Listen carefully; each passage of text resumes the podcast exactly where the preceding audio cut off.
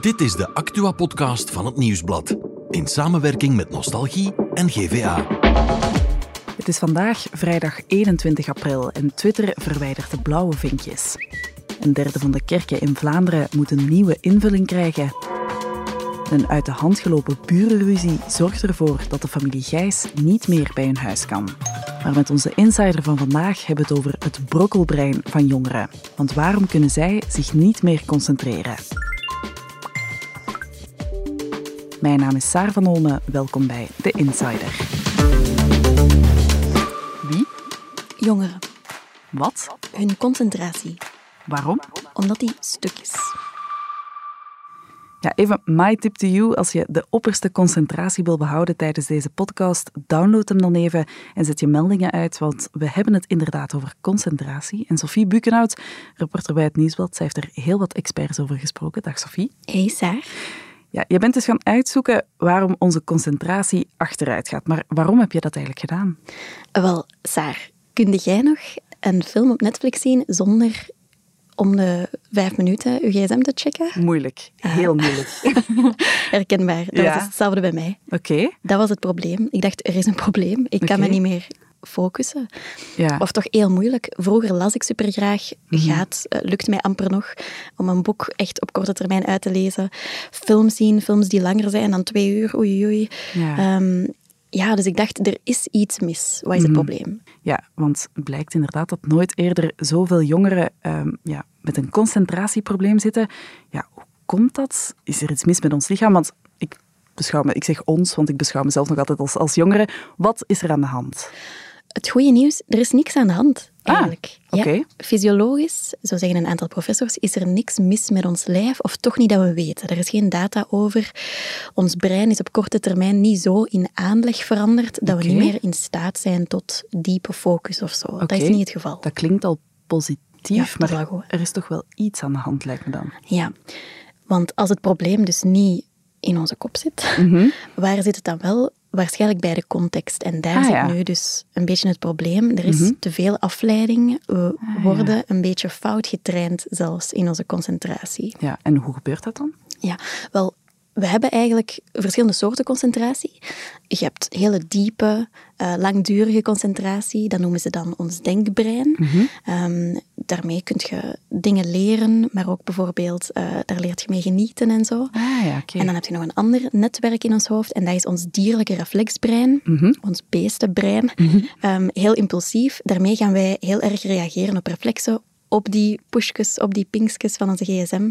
Dus eigenlijk spelen de social media daar heel slim op in, op dat brein. Ja, want ja, hoe doen ze dat dan? Je, je zei het er net al, een beetje met die, met die pingeltjes werken en met die, Ja. met die flashy kleuren. Zijn er dan nog manieren hoe dat eh, sociale media daarop inspeelt? Ja, die kleuren, die pinkjes, alles wat onze, ons reflexbrein triggert eigenlijk, waardoor we de hele tijd met dat brein bezig zijn en dus niet meer met ons denkbrein, niet meer met dat brein waarmee we lezen, waarmee we studeren, waarmee we genieten. Dat wordt altijd onderbroken. Ehm, dus ja, onze social media pakken dat heel slim aan, waardoor er zelfs als een soort Pavlov-reflex is ondertussen van jongeren die ja, naar hun broekzak grijpen van Ja. oh ja, mijn gsm, heb ik nog een, een bericht? Of die daar Ah, de hele tijd in gedachten mee bezig zijn. Dus ja, dat is een beetje de context. Oké.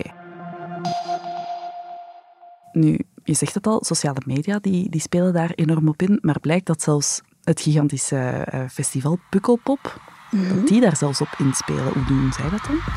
Wel, Pukkelpop is toch zo'n beetje het ultieme jongerenfestival hè, van de zomer. vast. Ja. Voilà.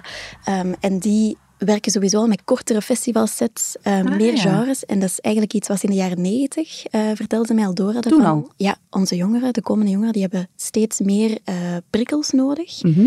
Dus we gaan daarop inspelen met meer genres, meer podia. Ze hebben er nu een tiental.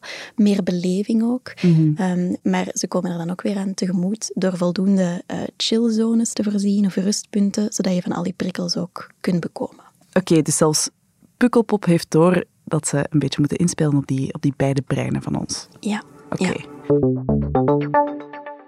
Nu had ik ook gelezen dat, eh, we hadden het er net over sociale media, dat eh, de social media daar zelfs op inspeelt, op dat eh, reflexbrein. Nu had ik gelezen dat de topmannen, de mensen die die sociale media creëren, dat zij hun kinderen daar een beetje van proberen weg te houden. Wat is daarvan aan? Ja, is grappig. Er is zo een uh, documentaire op Netflix, Social Dilemma heet dat. Oké. En daarin ehm, wordt gesproken, allee, er zijn interviews met heel veel topmannen of ex-topmannen van bijvoorbeeld Pinterest, Twitter, al die grote social media kanalen. En die vertellen dat ze hun eigen kinderen dus uh, niet hun eigen product geven. Dus die hebben geen schermtijd uh, thuis, of die hebben één regel, geen social media bijvoorbeeld. Dus blijkt dat veel van die topmannen uit Silicon Valley hun eigen kinderen, hun eigen media niet laten gebruiken. Ja, omdat zelfs zij doorhebben dat dat niet echt oké is. Ja, dat dat zo verslavend is. Amai, oké. Dat leek me allemaal even een beetje slecht nieuws, Mhm. maar je hebt ook goed nieuws, hè? Want er is een oplossing. Het goede is inderdaad, het lijkt nu allemaal super dramatisch, Ja. maar onze concentratie werkt een beetje als een spier. Als je die spier goed traint, dan zijt je ook heel sportief Mhm. en dan gaat het allemaal vlot gaan.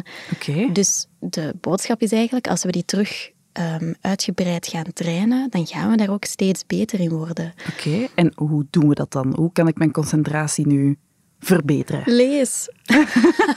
gewoon doen. Een professor zei van, probeer gewoon een boek te lezen. Al is het een stationsroman. Probeer gewoon. Probeer het gewoon opnieuw te doen. Ja. Ehm, en het helpt dan bijvoorbeeld natuurlijk ook dat, zoals jij daar straks zei, dat je je gsm afzet of dat je je meldingen even op stil zet, Ja. zodat je daar al niet eh, door afgeleid bent. Ja, die prikkels een beetje vermijden. Ja. Ik las ook dat je schreef over eh, je dagen in blokken verdelen, dat dat ook een oplossing kan zijn. Vertel daar eens wat meer over. Ja, dat klopt. Ook wel speciaal. Die methode is dat je vertrekt van 24 uur in een dag Mhm. en dat je dan altijd gaat aftrekken hoeveel uur je aan iets spendeert. Bijvoorbeeld acht uur slapen, zoveel uur werken of studeren, zoveel uur eten, zoveel uur sporten enzovoort. En de tijdblok dat je dan nog over hebt, daarvoor kan je beslissen, dat ga ik nu aan sociale media spenderen. Mhm. Maar dan beslis je zelf weer, pak je zelf weer de controle over. Dus het is niet dat jouw gsm altijd zegt, en nu gaan we mij gebruiken. Ja. Dan beslist jij, nu ga ik eens een kwartiertje op Facebook zitten of nu ga ik eens een half Ah, ja. uurtje TikTok bekijken en dan heb ik nog een kwartiertje over. Dus dan eh, heb je terug zelf Mhm. De eh, controle, over. in handen. Ja, ja, voilà. ja. Nu, je hebt dat nu zelf onderzocht. Mhm. Wat neem jij eruit mee? Ik ben terug aan het lezen. Ik probeer Ah, het gewoon terug. Dus, en het, ik heb al een keer 50 bladzijden op een dag gelezen. Ik was kei trots. Ja, dat zal Dus, wel. ja, En is dat, dan, is dat dan een stationsromannetje geworden of wat moet ik me daarbij voorstellen? geen commentaar. Oké, dat is heel duidelijk. Oké, dankjewel Sophie om het hier eventjes eh, te komen toelichten. Ja, dankjewel daarvoor. En voor het andere nieuws van de dag is onze producer Joni erbij komen zitten. Dag Joni. Dag Saar. Ja, vertel eens, wat heb je voor mij? Een derde van de parochiekerken in Vlaanderen moet een nieuwe invulling krijgen. En dat is omdat mensen steeds minder naar de mis gaan. Het is opnieuw dit jaar gedaald met 25 procent.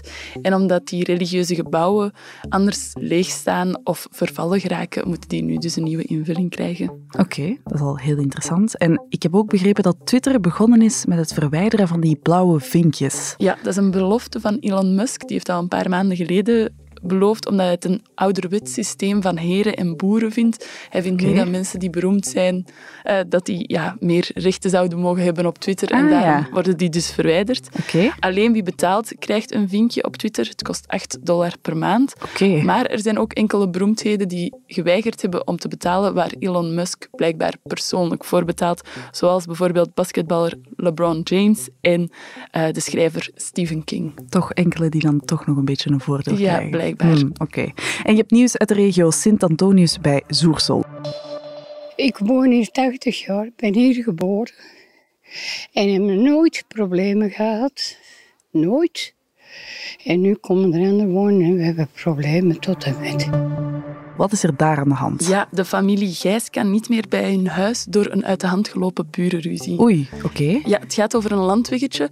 Dus de familie Gijs moet over een landweg om bij hun huis te kunnen. Mhm. En hun buren zeggen dat dat een privéweg is. Zij zeggen dat is een openbare weg. Mhm. En die buurman heeft die weg afgesloten, waardoor dat die dus daar niet meer kunnen. Die liggen in geschil bij de rechter enzovoort. Mhm. Ehm, en die konden nu rekenen op de goodwill van hun achterbuur, die hen toeliet om over zijn privédomein te rijden. Goed, lijkt mij. Ja, maar doordat het zo lang blijft duren, Mhm. heeft hij nu gezegd, het is genoeg geweest. Die heeft een greppel gegraven. Oh, En nu kan die familie niet meer bij hun huis terecht. Oh, verschrikkelijk. dus hopelijk doet de rechter zo snel mogelijk een uitspraak en kan, Mhm. kunnen die mensen terug naar hun huis. Ja, laten we vooral hopen dat die mensen snel weer aan hun huis geraken. Hè. Dankjewel Joni om dat eventjes te komen uitleggen. En eh, maandag zijn we weer met een nieuwe Insider.